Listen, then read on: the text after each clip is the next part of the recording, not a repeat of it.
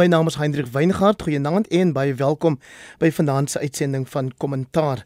Ons begin met 'n bespreking oor die Quentin de Kock saga en daarna praat ons ontleeders vir die aand. Dis Dr Piet Kroukamp, professor Loretta Ferris en Dr Teens Elof oor môre se plaaslike verkiesing en dan ook die gebeure in Sudan, naamlik die militêre staatsgreep wat die afgelope week daar plaasgevind het. So vir hierdie eerste deel van ons program vanaand verwelkom ek vir Dr Dirk Herman, hy's die bestuurshoof by Solidariteit. Hallo Dirk. Goeienaand aan. Saam met hom Gert van der Westhuizen, die stemme of meningsredakteur by Netwerk 24. Hallo ook aan jou Gert. Goeienaand Hendrik en goeienaand Dirk. Goeienaand Gert. So ek gaan vra dat jy begin Dirk met jou standpunt want jy is in 'n beeld het ek gesien aangehaal oor die Quentin de Kock uh storie. Laat ons net hoor wat is jou inleidende opmerkings of standpunt oor die gebeurte gebeurtenis. Ja, en dit is die eerste vraag wat ek sal vra is of dit is Suid-Afrika is wat ons wil hê. Suid-Afrika waar iemand uit 'n uh, magsposisie kan kom en 'n dekreet kan uitvaardig en daardie dekreet bepaal eintlik wat jy dink en wat jy glo en selfs oor hoe jy dit moet doen.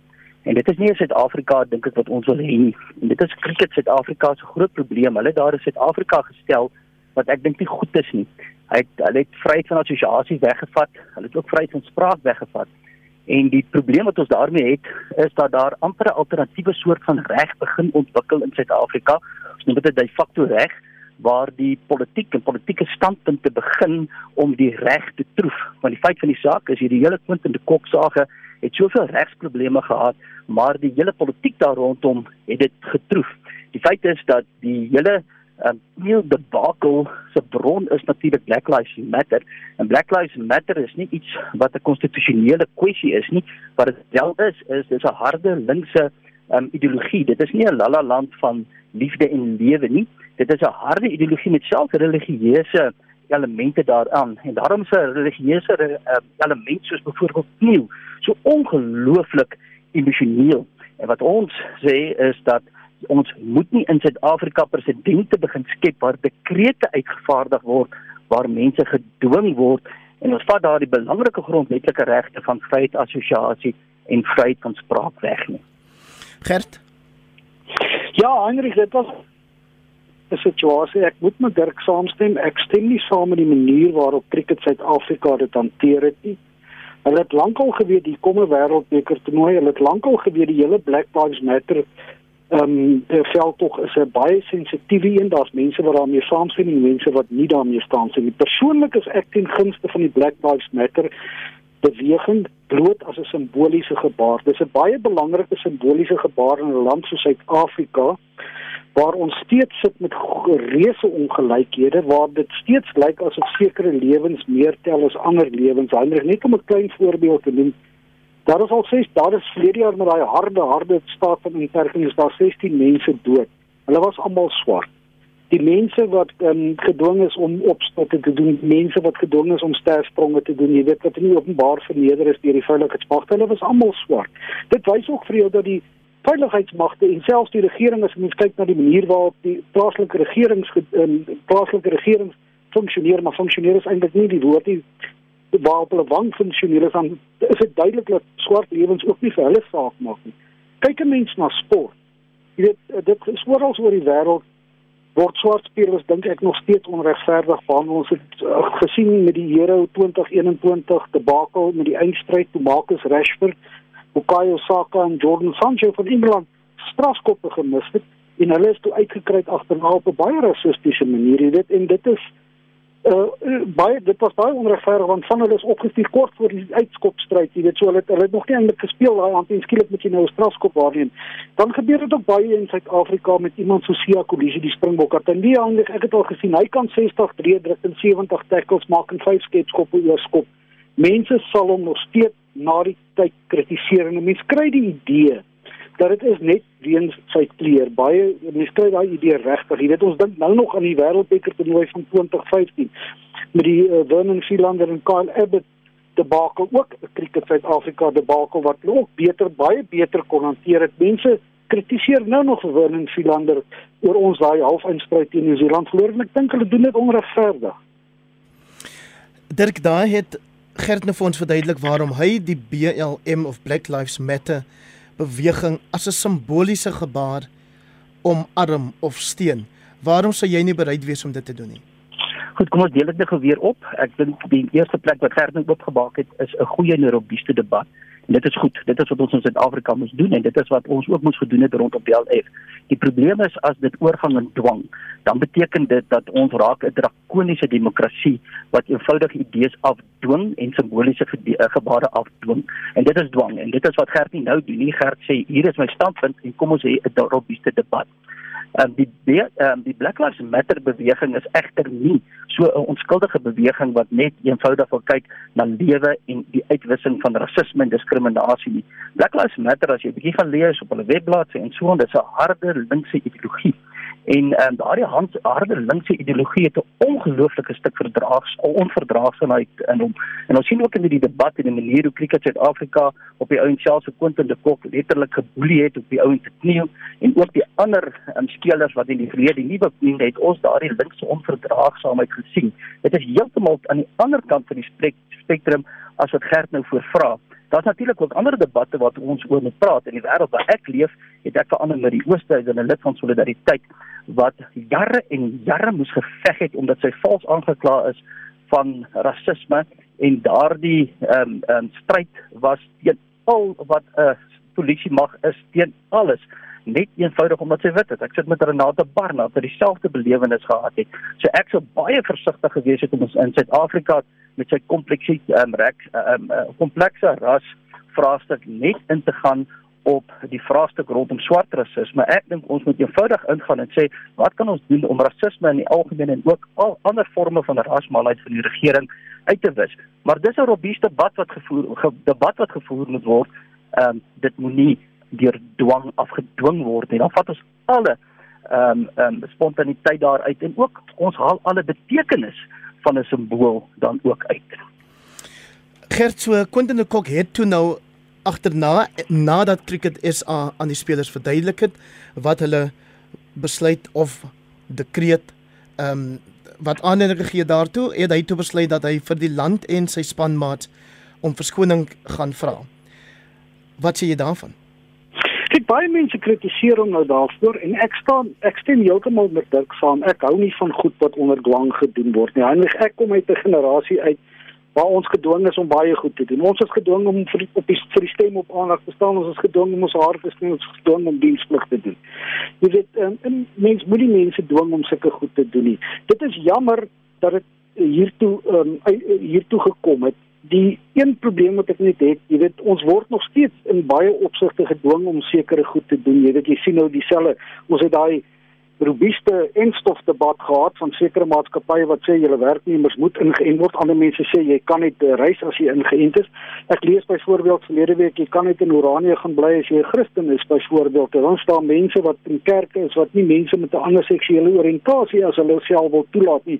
Jy weet so dit kom ook neer op 'n op 'n op 'n kwessie van dwang en dit is nie dalk glad nie 'n goeie ding nie. Ek die een ding wat Dirk aangeraak het wat ek ook met hom saamstem, jy weet, dit is baie goed dat ons 'n robuuste debat hieroor het. Jy weet ons moenie mekaar verskree nie. Ons moet daaroor gaan praat en as dit een ding is wat die Quentin de Kok debakel vir ons weer laat besef het is dat daar so baie dinge in hierdie land is waaraan ons moet werk en so baie dinge in hierdie land is waaroor ons moet praat. Want ons praat dikwels dog verby mekaar omdat ons mekaar doodskree en nie na mekaar wil luister. Dit is 'n SMS van ene KV wat sê de Kok is 'n verraaier. Hy's 'n swakkeling om nie by sy standpunt te kon bly nie. Hy het in die politiek se hande gespeel. Het Quentin nou die mat onder jou uitgetrek nadat hy onder uh, verskoning gevra het? Kyk, ek dink dit gaan vir my oor die beginsel, ehm um, en dit gaan oor die beginsel van die dekreet wat uitgevaardig is en mense gedoen het. En uh, maar, maar ek vra jou nou oor die feit dat Quentin verskoning gevra het agterna. Ja, die kyk Quentin is onder ongelooflike druk gewees. Ek sien hom nie as 'n verraaier nie. Ek sien hom iemand wat 'n slagoffer is van 'n stuk alternatiewe reg wat gepleeg is wat eintlik buitekant sy regte is. Hy is eintlik ontneem van 'n klomp regte wat hy het. En um, en daarom is dit eintlik tragies dat hy eintlik in die meel geval het. Hy het eintlik al lank al 'n besluit geneem om nie te deel nie en dit is nie omdat hy 'n uh, rasis is nie. Dit is juis omdat hy sê maar hoorie my lewe getuig daarvan ek hoef nie te deel nie. Hy het 'n ander manier van doen gehad. En nou is hy eintlik in hierdie maalkolk en hy word gedwing om hom te assosieer met iets wat hy gesê het ek wil eintlik nie. Gert, is jy bereid om met Dirk saam te stem oor hierdie aanhaling uit die berig wat in beeld verskyn het? Vandag is dit cricket, môre is dit rugby, oormôre is dit in jou werkplek. Vandag is dit Quentin, môre is dit jy, die week daarna is dit op skoolvlak en dan moet ons kindertjies daar in 'n ry staan en kniel voordat hulle mag speel. Ja, ek dink daarom nie dit gaan so ver gaan nie, Heinrich. Jy weet, ek dink die rugby mense het al hierdie situasie baie goed hanteer. Die een ding wat ons net moet politiek het onlosmaaklik deel van sport geword dit is al lank al deel van sport. Dit is deur die nasionale party destyds ingebring toe hulle sekere mense weens hulle kleur weet sport. Ek sien jy het vandag ekstra draai op die bal gesit in jou artikel en rapport. Jy sê mens kan eintlik kniel vir die mense wat in die verlede mis en swak behandel is en noem hom Errol Tobias daar byvoorbeeld. Mens dink aan Papa se golem wat in die reën sy trofee moes ontvang. Mense teen wie daar in die verlede weens hulle kleur op sportgebied gediskrimineer is.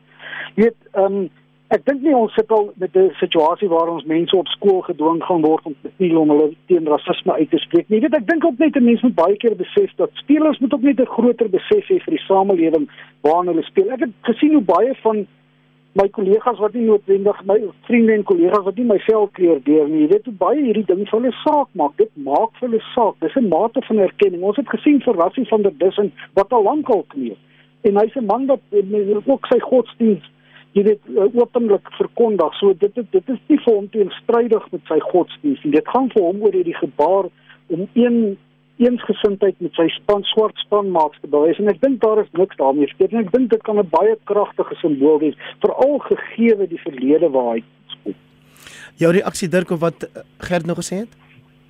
Ek dink dit is ongelooflik belangrik. Uh, ek wil weer terugkom na die feit dat ons met mekaar moet praat en dat ons veral in mekaar se wêrelde in moet beweeg. En ek dink dis wat Gert hier so uit uitlig wat verskriklik belangrik is.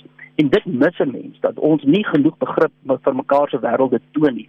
En dit word gedoen deur eintlik wêrelde te skep waar ons met mekaar praat en nie om verhoudings te verhard nie. En wat nou hierdie afgelope tyd gebeur het en ek sien dit op sosiale media oral, dit het eerder standpunte verhard as wat dit 'n klimaat geskep het waarin ons presies kan doen wat Gert sê. Wat ek wel met Gert verskil en jy het nou daai aanhaling vir my uh, in beeld aangehaal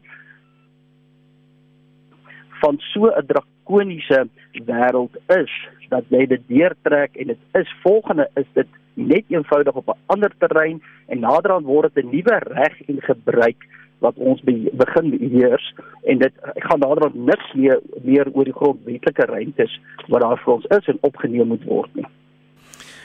Gert so wat ons nie by cricket is aangehoor het nie is wat gebeur as 'n speler om watter rede ook al uit beginsel het besluit hierdie saak is nie iets waarvoor ek voel ek wil kniel nie. Ja, kyk, Heinrich Cricket Suid-Afrika uh, so, uh, kom ons gebruik die Engelse aanhaling didn't cover themselves in glory um vir die hoeveelste keer nie. Want jy kan nie jy weet mos nou al lankal hier kom 'n wêreldbeker toernooi. Jy weet al lankal daar is sekere spelers wat wil kniel, sekere spelers wat nie wil kniel nie, sekere spelers wat die vuis in die lug wil steek, sekere spelers wat wil kniel en die vuis in die lug wil steek. Jy weet, en ek kan ook hulle punt verstaan dat jy nie wil hê op 'n wêreldverhoog soos 'n wêreldbeker toernooi moet die een speler kniel en die ander speler moet staan en die ander ou moet niks doen jy weet so ehm um, dit, dit dit dit is jammer dat hulle nie hierdie ding net heeltemal uitgepraat het al lank al nie. Jy weet gaan sit met die spelers gaan praat met die spelers. Hulle moes met die spelers gepraat het en gesê man kyk hierso dit is belangrik vir ons om dit te doen om 'n een, eenvormige beeld voor te hou. Hoekom is jy daar teen vertel ons hoekom jy daar teen vertel ons hoekom jy dit nie wil doen nie. Dat jou spanmaat hoor hoekom jy dit nie wil doen nie. Jy weet en en, en ek dink net uit hierdie hele ding, ons praat net die hele tyd so van leierskap en ja, die een ou wat verskriklik goed hier uitgekom het, is Themba Bavuma, die kaptein, jy weet. Hy het vir sy spanmaat opgekom en hy het hom beskerm sonder dat hy geweet presies hoekom Quentin de Kok gedoen het wat hy gedoen het, jy weet. En miskien is daar 'n voorbeeld vir ons almal. Jy weet Pieter het ooit op netwerk News24, jammer Pieter, geskryf van hoe belangrik dit is jy weet dat ons nie weer 'n krisis verspeel nie. En dit is 'n krisis hierdie. Kom ons leer uit hierdie krisis. Kom ons vat 'n voorbeeld by Themba Bavuma van hoe dinge gedoen behoort te word hoe ons met mekaar moet praat.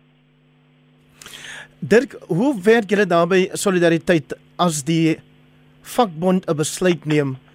Word elke lid geraadpleeg 'n keuse gegee oor of hulle dit steun al dan nie Dit ons is 'n demokratiese instelling, so dit beteken dus dat ons het lede, die lede het dan vir hulle verteenwoordigers gekies en daardie verteenwoordigers kies uit die, aan die einde van die dag 'n hoofraad.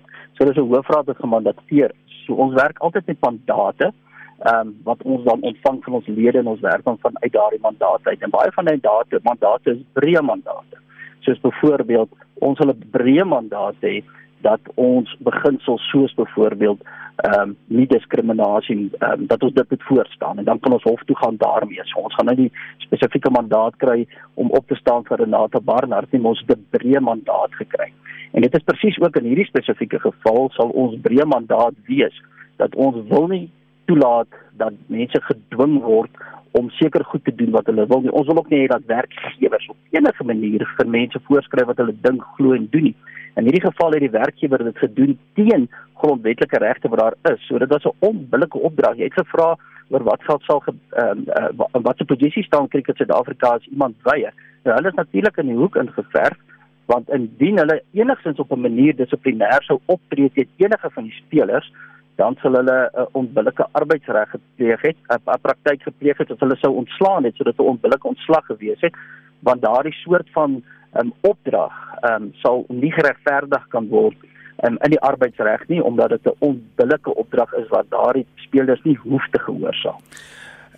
Glo jy of glo jy nie dat wanneer 'n speler hom of haar beskikbaar stel om in 'n nasionale span diens te doen, met ander woorde om die land op die sportveld te verteenwoordig, dat hulle ook 'n kom ons noem dit maar maatskaplike of sosiaal ehm um, sosiale plig het om op te tree in belang van die land. En wanneer daar 'n besluit geneem word wat die kom ons sê nou maar die nasionale liggaam of die regering glo sal bydra tot sosiale kohesie byvoorbeeld dat dat so 'n speler sportpersoon tog 'n ver verantwoordelikheid het om deel te hê daaraan. Kyk, dis die af uh, afweeg nou van belange. Die feit is veral waar dit uh, waar dit te doen het met op nasionale kwessies, dan kom dit op 'n punt waar jy vir jouself moet sê oor En in hierdie geval is daar net hierdie ongeluk. Dirk, ekskuus, jy het jy het nou verdwyn vir 'n oomblik, sê net gou weer waar jy jouself moet afvra. Waar lê die grense? Ehm um, en in hierdie geval is elke liewe grens oortree. En veral in 'n geval waar iets so omstrede is, soos byvoorbeeld die hele Black Lives Matter beweging, dan raak die grens daar dat die dat die ehm um, die speler tog 'n individuele besluit kan neem en dat hy die reg het om te disassosieer. Hy hou daardie grondwetlike reg. Dit word nie opgehef omdat jy in die span opgeneem word. Goed, het nasionale sportmense ook 'n verantwoordelikheid teenoor die land om wel deel te neem aan aksies wat ons glo sal help om sosiale kohesie te bevorder. Ek vra nou nie meer oor gedwing word nie. Dis sonder twyfel het ehm um, het mense verantwoordelikheid op nasionale vlak. Ek dink elkeen van ons het 'n verantwoordelikheid. En ehm um, so daar is geen twyfel daaroor nie. Die vraag is waar lê daardie grense wat dit betref en wanneer ontneem jy 'n spesifieke persoon? En in hierdie geval waar iemand gedwing word om op 'n spesifieke manier op te tree, is daardie persone ontneem. Dit het eenvoudig net te ver gegaan. Gert, dink jy Quentin de Kock het meer simpatie gekry as wat die geval dalk sou wees as hy nie onthul het dat hy ook uit 'n gemengde familie kom, brein halfsusters het en 'n swart stiefma nie? Ek dink hy het aan die een kant beslis meer simpatie daaroor gekry. Heinrich maar aan die ander kant soos het nou die SNS al vroeër aangehaal. Is daar nou mense wat hom vroeër voorgehou het as hierdie posterboy van jy weet weerstand teen die uh, situasie op die oomblik in die land. Jy weet en toe het hy uh, toe is hy nou afgemaak as 'n verraaier en hy daardeur baie steen verloor wat ek ook dink onregverdig is. Jy weet ek wonder partykeer hierdie hele situasie kon eintlik vermy gewees het nie. As daar lank voor die tyd daaroor gepraat is as daar gekyk is as die belange te mekaar opgeweeg is. Jy weet mense sit hierso met 'n sportspan 'n cricketspan.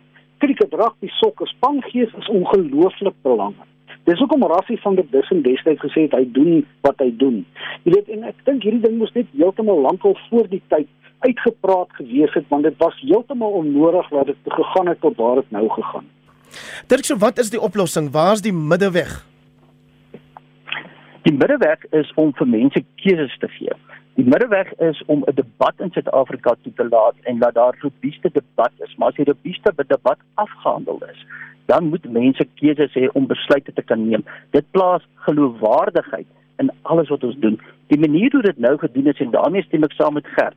Cricket Suid-Afrika het hierdie uiters probeer hanteer. Hulle het die simbool ook van sy simbool ontneem en op die oomblik sit ons dit met niks nie. So dit beteken dis wat ons sê is dat die antwoord lê in mense wat moet kan sê dis wat ek glo, dis wat ek wil doen en geen dwang nie.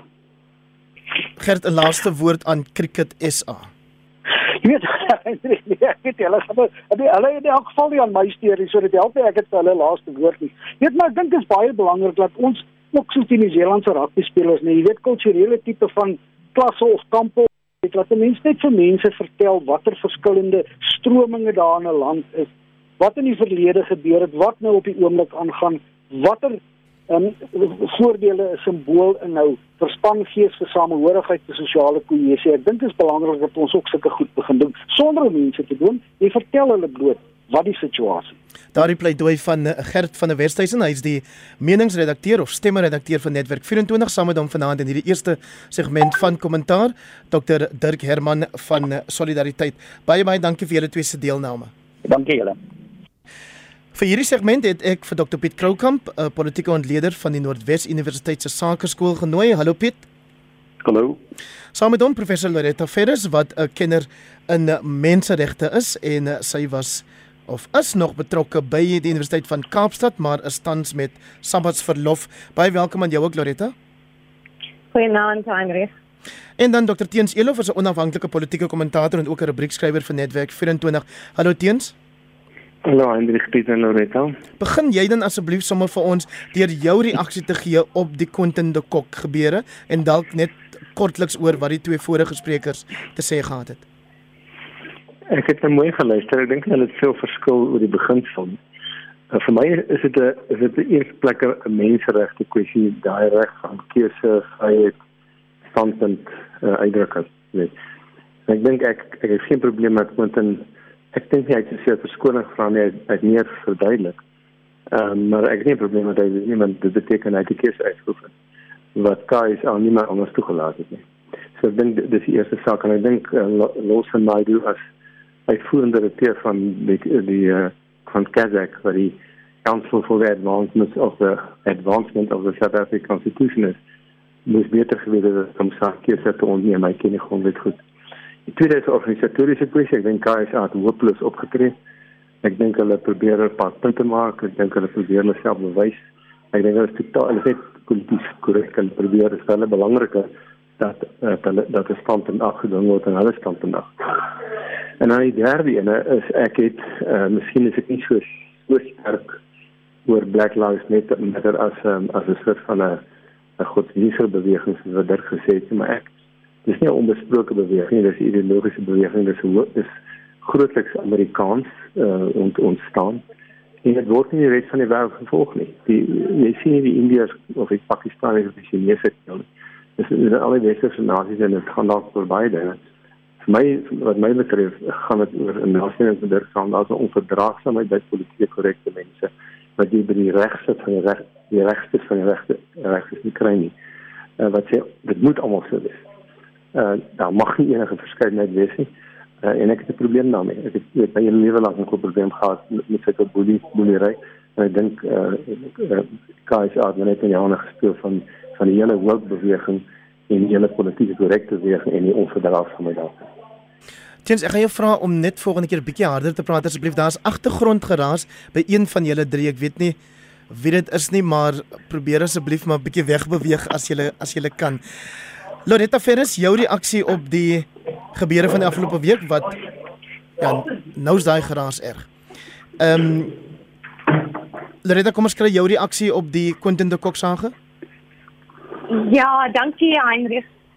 Weet jy, ehm um, ek stem saam met ek dink dit was Gert, nê, nee, wat gevra het oor oor wat was 'n beter manier vir vir Cricket Suid-Afrika om hierdie ding te hanteer en ek stem absoluut met hom saam. Jy weet, dis 'n dis 'n baie komplekse situasie gewees en dit sou baie beter gewees het om in konsultasie te tree met die spelers. Maar ek dink nie dat dat dit gegaan het hier daaroor dat um, Cricket Suid-Afrika wou probeer polities korrek wees. Nie. Ons moet onthou dat wat onthul is oor die afgelope paar maande is die die die omvang van rasisme in cricket oor die jare en nog steeds. So so vir Cricket Suid-Afrika dink ek is dit ontsettend belangrik om vir die wêreld te wys dat ja, ons sukkel met rasisme in cricket, maar ons doen iets as 'n span daaraan en as 'n span staan ons saam teen rasisme. En en dit dit bring my by die tweede fout dink ek wat Cricket Suid-Afrika gemaak het en dit is dat hulle dit rondom die Black Lives Matter geskoei het. Nou ek ek is heeltemal in ek steun ondersteun Black Lives Matter as 'n beweging. Maar maar ek dink nie ons is noodwendig altyd te doen wat die Amerikaners doen nie. Jy weet, ons ons moet ons het mos ons eie konteks en ons het 'n konteks van van honderde jare van van ehm um, onderwerping, onderdrukking en rasisme. So wat ons moet gedoen het, wat Cricket Suid-Afrika moet gedoen het, is om te sê vir iets van ons gaan 'n simboliese um, saamstaan teen rasisme hê. Dit dit hulle kon heeltemal Black Lives Matter van die tafel afgevat het. Um, Maar dan as dit kom by Quentin de Kock het ek heeltemal 'n ander mening. Quentin, wanneer hy vir Suid-Afrika speel en en jy het dit swaar gesuggereer, Heinrich, wanneer hy vir Suid-Afrika speel, hy gaan nie daar op die veld as Quentin de Kock nie. Hy gaan as Quentin de Kock 'n verteenwoordiger, ek sal sover gaan om te sê as ambassadeur van Suid-Afrika. Hy verteenwoordig Suid-Afrika. En hy moet dus die waardes van Suid-Afrika, van die grondwet moet hy verteenwoordig. En Cricket Suid-Afrika het 'n kontrak met hom. Hulle is sy op op 'n manier kan ons sê Cricket Suid-Afrika as sy werkgewer. So so wanneer ek byvoorbeeld hier praat as as Loretta Ferris, kan ek sê wat ek wil. Maar wanneer ek genooi word om te praat as Loretta Ferris, verteenwoordiger van Cricket Suid-Afrika, dan moet dan moet ek Cricket Suid-Afrika se waardes reflekteer. En dit is waar ek dink Dirk heeltemal die pot mis het as dit kom by by hoe mense daai balans, daai opweging van van van reg te doen. Want dit dit gaan nie hier oor Quentin de Kok in sy eie individuele kapasiteit nie. Dit gaan oor Quentin de Kok as 'n ambassadeur vir Suid-Afrika.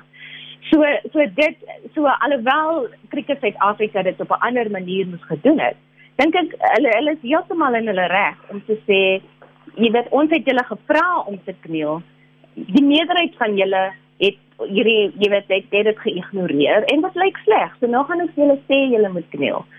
Ehm um, maar hulle dit verkeerd benader, maar maar ek dink van uit 'n grondwetlike oogpunt, dink ek as hulle dit moes in die hof beveg sou hulle dit kon verdedig.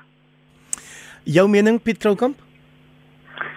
Ja, ek ek ek, ek, ek normaal is dit altyd met hulle en dit sal maar nou verskillike bietjie as ek byvoorbeeld môre werk kry by Afriforum en hulle verwag van my om na hulle waardestelsel uh, polities om te sien dan uh, sê ek verkies om te doen ek is dan sê maar ek is 'n navorser. Ek ek wil asseblief nie hulle waardestelsel uitbreek nie. So ek wil nie dan geforseer word om niks met my met my terugstaat te doen ja ek ons is 'n baie diverse samelewing ek dink ons het konsensus rasisme te gaan kom hier met sport voor en ons moet iets daaraan doen ek dink die sinvolle ding sou gewees het elkeen van julle wat hier vandag speel uh, jy mag nie rasis wees so jy moet jy moet, jy moet een of ander vorm van aksie pleeg wat jou wat wat wys dat jy simpatie het of dat jy ervaring het dat jy dink dat rasisme moet uh, op 'n of ander manier beveg word.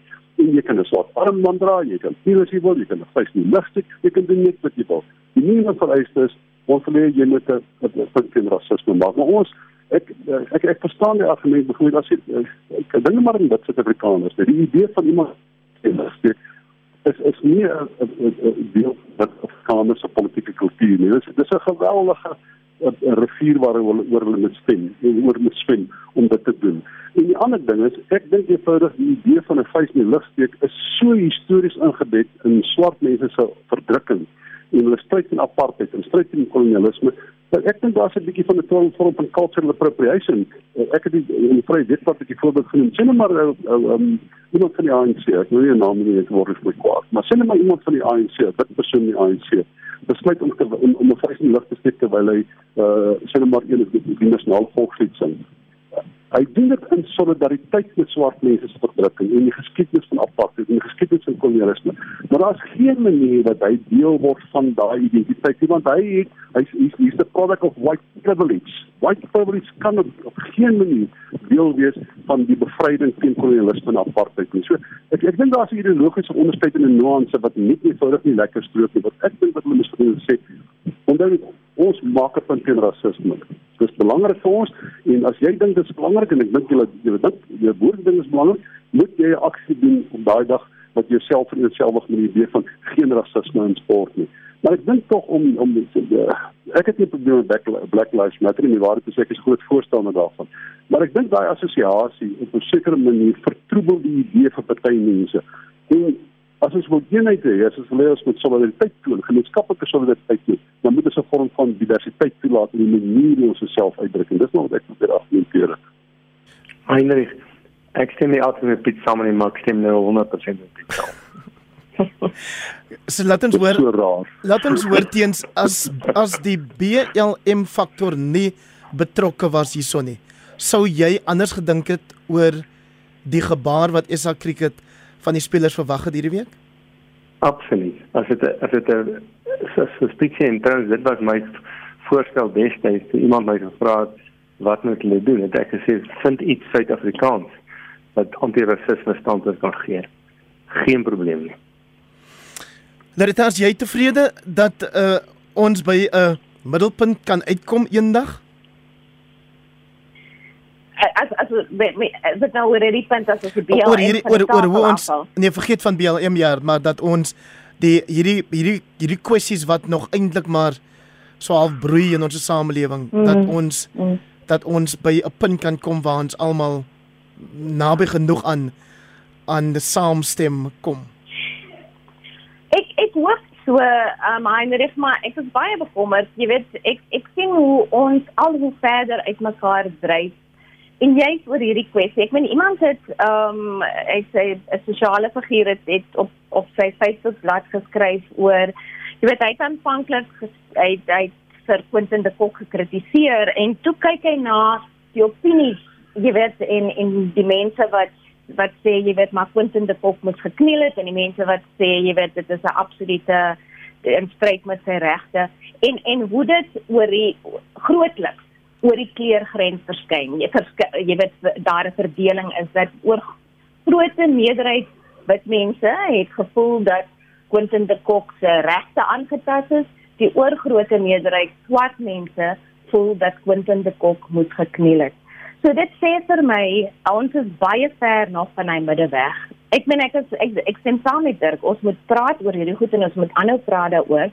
Maar maar ek vermoed dat dat ons al verder van mekaar af weg beweeg as dit kom by ras, as dit kom by rasisme, as dit kom by die verstaan van goed soos white privilege. As ons begin, jy weet, moet praat oor wat beteken rasisme, wat is rasisme, hoe ervaar mense rasisme? Jy weet ons ons kyk verder en verder van mekaar af weg. Kom ons praat nou Piet Kroukamp oor iets meer opwindends. En dis die plaaslike verkiesing wat môre plaasvind. Kiezer, Och, ek het gevrees, ek het gevrees jy gaan sê voorhuwelikse seks, maar okay, dis baie voor is. Hierdie hierdie ehm um, radiostasie sal nie verantwoordelikheid aanvaar vir die uitsprake van deelnemers aan programme soos hierdie nie. So praat asseblief met ons oor die feit dat ons vertel word kiesers apatie sal na verwagting weer sterk teenwoordig wees môre soos met vorige verkiesings ook. Hoekom gebeur dit en wat kan ons daaraan doen? Ek dink om dit apatie te noem is is dit net deel van die verskynsel wat jy verklaar. Ek dink dit verklaar die totale verskynsel daar is. Ek dink 'n groot deel Suid-Afrikaners moet mes aanvaar gaan stem nie en hulle maak 'n bepaalde politieke punt. Dit is nie dat hulle net nie lus is om te gaan stem nie of dat hulle vergeet om te gaan stem nie.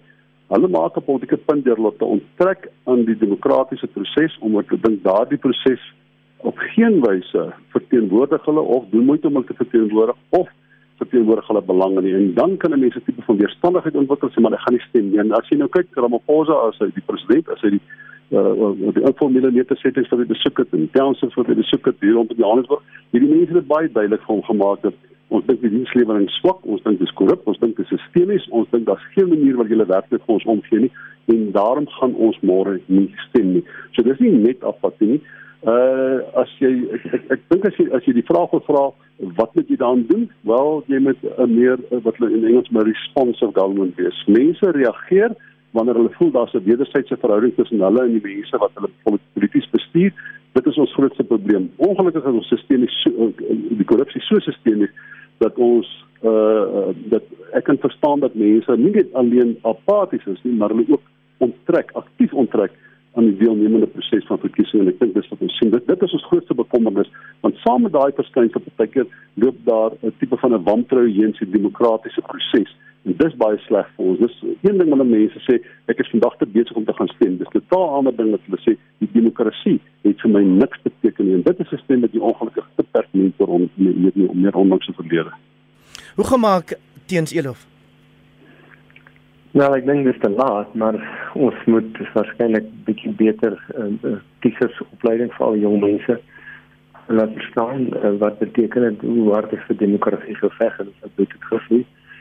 Ehm um, maar ek dink die ander saak wat ek in die gedagte aan hier gesit het, is gespreek het besluit om weg te bly. Dit is 'n sekere mate stem. Dit is so goed dat jy bederf jy stem, jy sê jy jy, jy wil nie stem, jy kan vir geen party stem dit is ook 'n demokratiese reg. Ek ek ek, ek dink mense kan daarmee eintlik nie fout vind nie. Maar ek dink die apatie is is 'n lang proses en ek dink 'n deel daarvan is dat dat die politieke partye, veral die regerende party, moet meer uh met beter dienslewering gee, hulle moet beter doen, hulle moet minder korrupsie toelaat.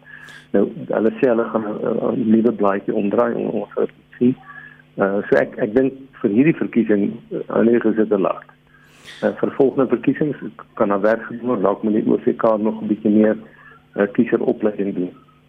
So dit interesseer my altyd teens wanneer ek mense hoor sê soos wat jy nou ook gesê het dat en dis eintlik deel van my van my aantekeninge dat om nie te stem nie is ook 'n manier van jou jou reg uitoefen maar wat gebeur in die lange duur as al meer mense besluit hulle gaan nie stem nie wat gebeur met 'n demokrasie hy, hy gaan dood. Uh, maar ek dink ek dink mense in die wêreld het dit al so gebeur waar natuurlik waar daar diktatuur oorgeneem het. Staatsgreep op plaas het. Maar eintlik begin mense besef as dinge almekaar verkeerd gaan en hulle sê maar ons moet nou iets doen. Dan dan uh, begin daar bewegings ontstaan wat wat weer sal sê ons stem. So hy loop so 'n bietjie in 'n binne 'n band. Jy weet sê net maar 'n band van 50% eh uh, kiesers gaan stem binne daai bande is daar is daar is daar uh, pieke en dale in daai vloei. En ek dink ons is oomblik op 'n daal. Maar soos kom ons sê net maar sê party van die onafhanklike groepe en nie net binne individuele in ons aansoek kandidaate nie kry die meerderheid of kan met 'n koalisie en 'n paar van die dorpe in die platteland inkom en hulle kan in die volgende 5 jaar bewys hulle kan basiese dienslewering omdraai. Dit sal 'n ontsaglike stimulus wees vir ander dorpe en mense om te gaan stem. So as daar iets gebeur soos dit, dan kan dit weer die land gaan wat weer op 'n piek toe gaan en meer mense gaan stem. So ek dink ja, hy hy hy is dis 'n grafiek wat wat onverwenbaar afwaarts strek. Nie. Ek dink hy, hy, ons is oomblik op 'n laagtepunt. Maar hy gaan in die toekoms ek dink ek weer weer styg. Nou dit het 42,6 miljoen Suid-Afrikaners is stemgeregtig. Daarvan het 26,2 miljoen of 61% geregistreer om te stem.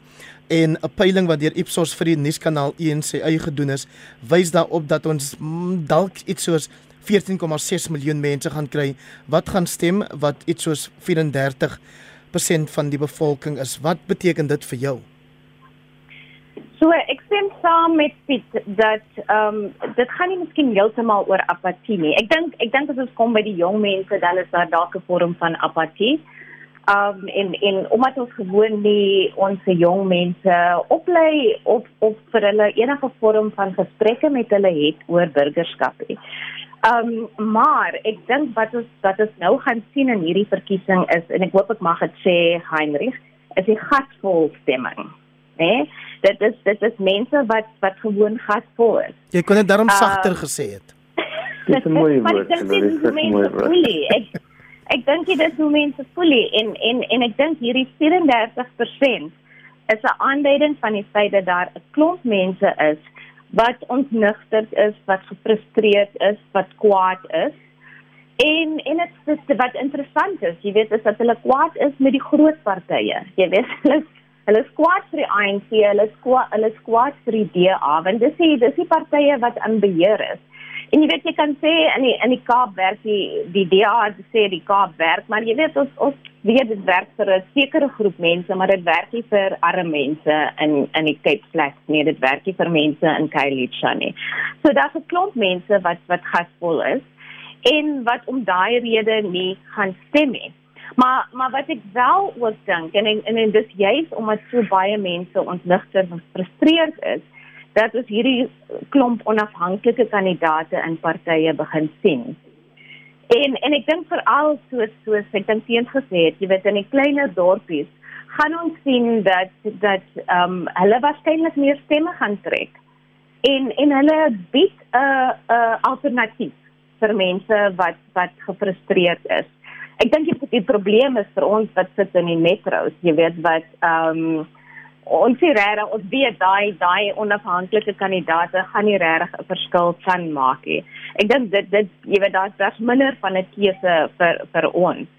Ehm um, die ander punt wat ek wil maak Heinrich is dat ehm um, kyk ons kom natuurlik uit 'n verlede uit wat ons groot verandering teweeggebring het so ons glad nie die stem gehad het. En as ek nou sê ons dan dan, dan praat ek nou van swart mense.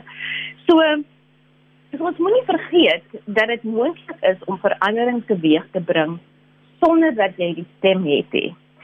En en ek en en waarvan ek praat is hierdie hierdie ons begin sien oor die afgelope dekade of so baie meer ehm um, beweging, sosiale beweging wat wat begin organiseer. Ons sien ehm um, burgersgroepe wat begin organiseer. En en jy weet as as die die die politieke partye nie nie begin oplet na wat verkies wat kiesers sê en en en en lesse begin leer uit die feit dat kiesers nie na die stembus toe gaan nie. Dan gaan jy begin sien dat hierdie nasionale bewegings ek dink meer meer on um support gaan kry. Jy weet en dat hulle meer ek dink gaan probeer om verandering teweeg te bring. So so daar jy weet ons ons ons het 'n interessante geskiedenis en dit gaan sien of die geskiedenis hom op 'n stadium weer gaan herhaal. Piet, hoe het ons hier beland waar krag of elektrisiteitsvoorsiening 'n belangrike kwessie is in 'n plaaslike verkiesing? Wel, ek dink dit is 'n ding wat die armste mense die meeste raak. Dis hoekom dit so belangrik is. Die president het uh, heelwat gewag daarvan gemaak en al sy toesprake wat hy in informele nedersettings gemaak het. Uh ek het byvoorbeeld ek het lank in Soweto gewerk. Ek het dikwels daar gekom. Uh en jy hoef nie 'n formele kragonderbreking te hê wat aangekondig word deur Eskom om in Soweto te kom of dele van Soweto te kom met die krag vir 3, 4 dae af is nie. En die eenvoudige rede is Eskom maak sy somme as hy dit daar afskakel, daar's nie 10% van mense wat betaal en spaar geweldig baie as dit in Melville afskakel dan verloor jy geweldige inkomste. En feit bestaan is almal van ons word geraak deur elektrisiteitstekorte. Sake uh, uh, uh, uh, met ondernemings word baie meer geraak in terme van die koste van van besigheid doen in Suid-Afrika. Maar die heel belangrikste is dat en dit is wat hoekom dit 'n verkiesing belangrik is, dit is die arme mense wat duur betaal vir krag. Want krag is ontsaglik duur as jy arm is in Suid-Afrika wat dit nie kan bekostig nie. Dis die arme mense wat se krag eers afgesny word om dit nie kan betaal nie en daarom is hulle in terme van die die, die koste vir Eskom is hulle is hulle relatief laag. En dan die uh, ander ander ding is dit is dis dis dis is deel van die samelewing wat jy baie maklik polities kan ignoreer en jy hoef nie in verkiesing aandag gaan om te gee.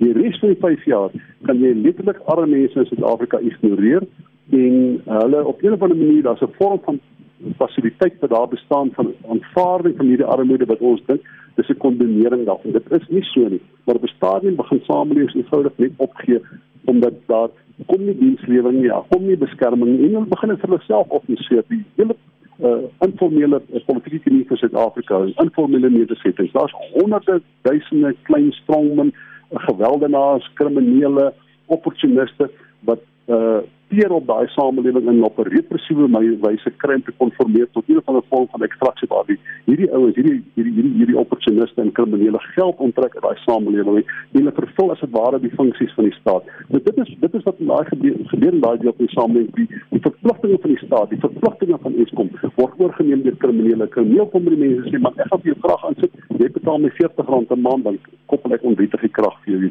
So daar's 'n toenemende kriminalisering van oorlewing en jy kry alreeds kriminalisering van die staat en dan nie twee mekaar ontmoet, dan kry jy 'n volledig gekriminaliseerde tipe van samelewing en staat-samelewing verhouding. En dieselfde ding gebeur op 'n basiese militêre vlak. Daar's 'n tipe van 'n militarisering wat ontstaan binne die samelewing uh wat dan opvolter na die staat. En ek dink dit is waar dis ons probleem is. Jou vraag is uh, wat is die konsekwensies van Eskom en die feit dat aan die krag is nie vir verkiesings? Dit is omdat dit die armste mense, die mense wat wat op 'n of ander manier gevange gehou word deur akteurs buite die netwerk van die staat, buite die autoriteit en jurisdiksie van die staat. Daai mense word die meeste geraak deur wat gebeur. Dit is die grootste impak op hulle lewe, dit is die grootste verarmingseffek op hulle lewe en uh, dit is hoekom dis ook die mense wat toenemend sê ek neem nie deel nie want my verantwoordelikheid is vis-à-vis 'n strongman wat hier rondloop en met 'n geweer instande wat met kriminaliteit mee instande wat met 'n militarisering van my bestaan mee instande eerder as die staatsteenwoordigheid wat ek kan omseil die eenvoudig die staat te maak op ander tipe van sosiale magte binne die samelewing. Martiens moenie glo nie die ANC sê ten spyte van al hierdie mislukkings en probleme met dienslewering sal daai armste van arm mense steeds vir hulle stem sodat hulle steeds die meeste munisipaliteite sal beheer, regeer en ook dalk die metros. Ja, ek sien sien die president het uh, die reën by uitsak dis hy dis 'n teken. Dat hy aansig gaan wen hy was 'n was 'n interessante profetiese opmerking ons wil sien. Heinrich ek, ek dink uh, mense moet hier groot onderskeid tref tussen die die arme mense wat bevolk van sosiale toelaas afhanklik is en ek dink hulle gaan vir 'n lang tyd bly stem vir die ANC. Daar is 'n narratief wat deur die president self gebruik is ruk gelede nie nou onlangs nie dat as uh, jy nie vir die ANC stem nie gaan nie gaan die wit mense en die wit partye jou jou toelaag kom wegneem. Ek dink uh, wat die wat die middelklas betref die groep waar die DA figureer en die ander kleiner partye gaan mense weggaan van die ANC of hulle te stem afhangende ook natuurlik van die van die van die stad of dorp wat dit is. Ek dink die EFF ehm um, kon nie sy sterkste wapen naamlik massa saamtrekke gebruik hierdie keer nie. Ek glo nog altyd die EFF het 'n plafon van 15% bloot op die internasionale uh eh, verskynsel dat gewone mense hou nie van radikaliteit in politieke partye nie. Uh so ek dink hulle gaan hulle gaan stem en wen, maar dink hulle gaan oor 15% gaan nie. So ek ek dink ehm um, die die vir my is die simboliese vraag. Jan Jan Lubera vroeër vanaand op 'n op 'n TV-nuusprogram gesê hier is eintlik 257 verkiesings wat parallel loop en dit is waar. Maar simbolies sal dit belangrik wees om te sien gaan die ANC onder daardie simboliese 50% steun nasionaal val. Dit beteken niks in Pretoria of Kaapstad of eThekwini nie. Maar dit is simbolies en dit is met die oog op 'n volgende verkiesing. Dis die een ding. Die ander ding wat vir my wat ek dink as 'n simboliese uh simboliek baie belangrik gaan wees is as dit waar kan word dat in 'n klompie dorpe, sê net maar 10 van hierdie kleiner dorpe, die onafhanklike bewegings alleen of met koalisies beheer kan neem oor 'n uh, 'n uh, sene of 'n koster of wat ook al of uh, of Harry Smith en hulle kan dinge omdraai. Dan kan dan is dit dan sit dit 'n simboliese wegbeweeg van groter partye op plaaslike vlak en dit kan 'n nuwe momentum gee vir 'n volgende verkiesing. So dit is baie interessante dinge, maar uiteindelik gaan dit maar oor wat gebeur in jou stad en jou dorp. En daar wissel dit weer baie. So jy dit dit daar daar moet mens praat wat dink jy wat gaan gebeur? Ek sou baie sê en ek dink daar's daar's baie van die kleiner munisipaliteite waar die ANC nie regtig uit die kussings gelig sal word nie, ek dink. Uh veral in die plattelandse gebiede. Uh dan is daar 'n klomp metro's wat waar ons weet Kaapstad waarskynlik DA dalk DA plus koalisie vernoot eThekwini ANC Kobega vermoedelik enig of ANC plus koalisie of of DA plus koalisie Johannesburg dieselfde Pretoria dieselfde. So daar's interessante dinge om dop te maar uiteindelik sal die ANC van wie die regerende party van wie sy die afhanklikheid van die arm mense die arm kiesers sal waarskynlik se steun gaan net in die stede kleiner word en nie in die uh, in die platteland en landelike gebiede.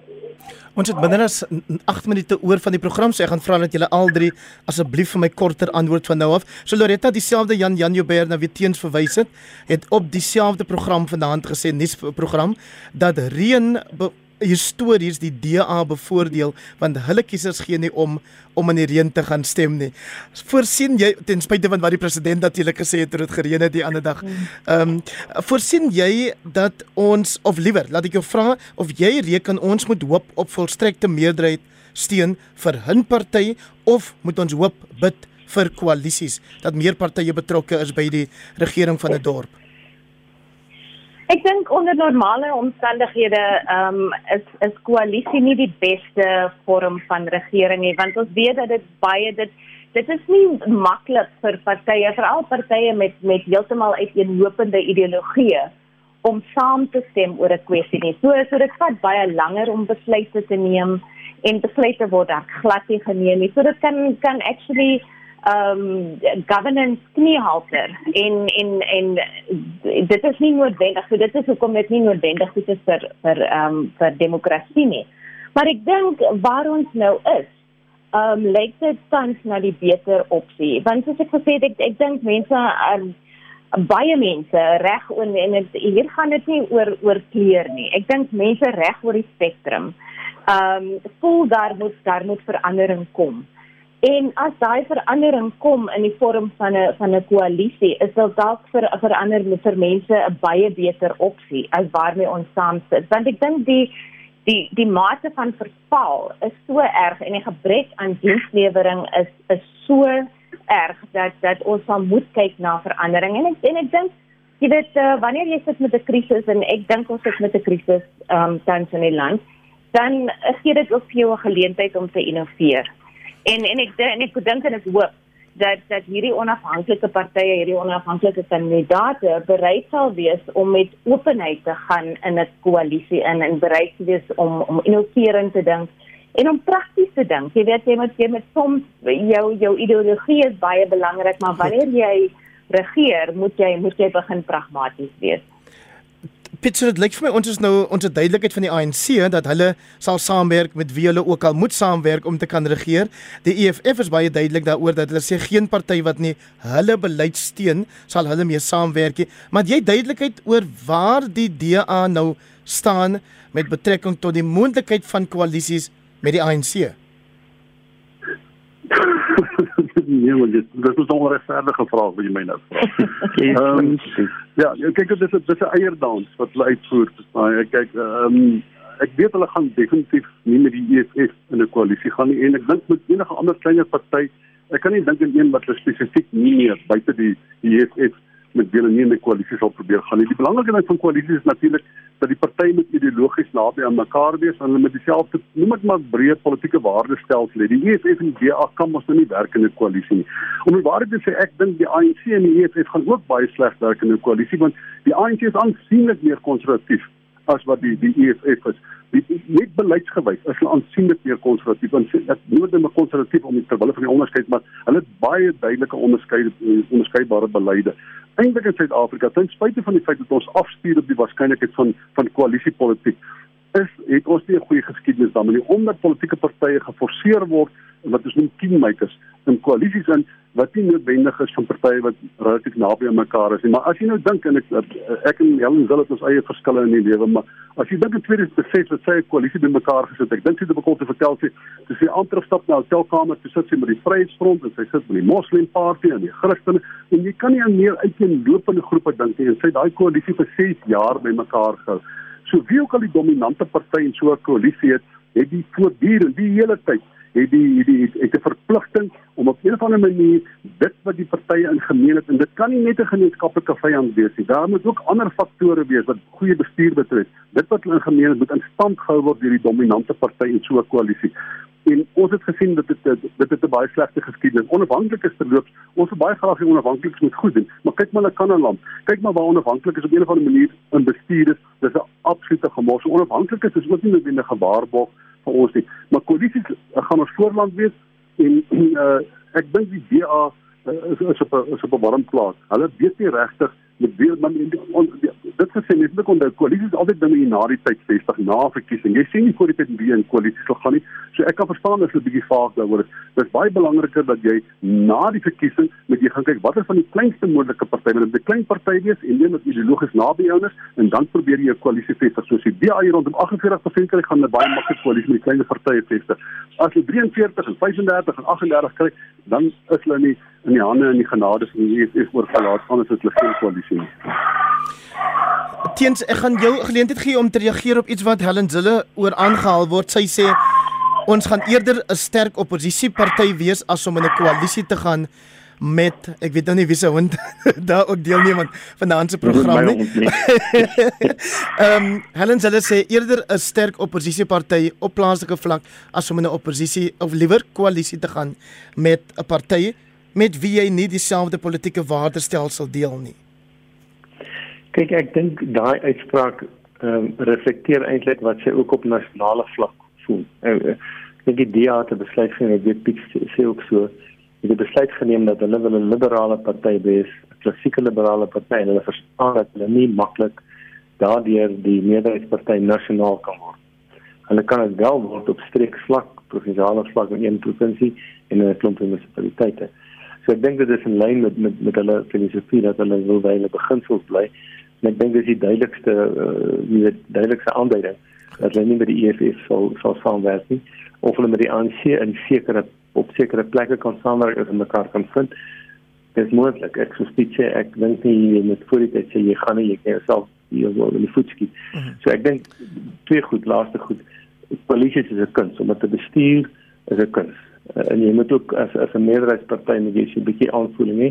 En die tweede ding, as jy dit reg kan kry om die groot politieke issues, jy weet soos onteiening sonder vergoeding of uh, sosialisme of wat ook al, uit die debatte te hou en op dienslewering fokus, dan dink ek kan hulle werk. Op plaas het plek, maar ek dink dit is harde werk soos jy hulle gesê dis dis high maintenance.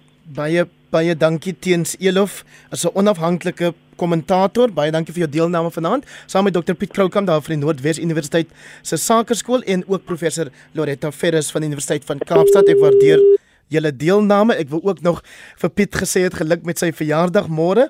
Hy het ons vroeër op die program vertel dit is sy verjaarsdag op die 1 November. Baie dankie ook aan my twee vroeër deelnemers, 'n deelnemers, dis Gert van der Westhuizen van Netwerk 24 en Dr Dirk Herman van Solidariteit. Van my Hendrik mag jy 'n rustige aand hê en 'n fantastiese week wat voorlê.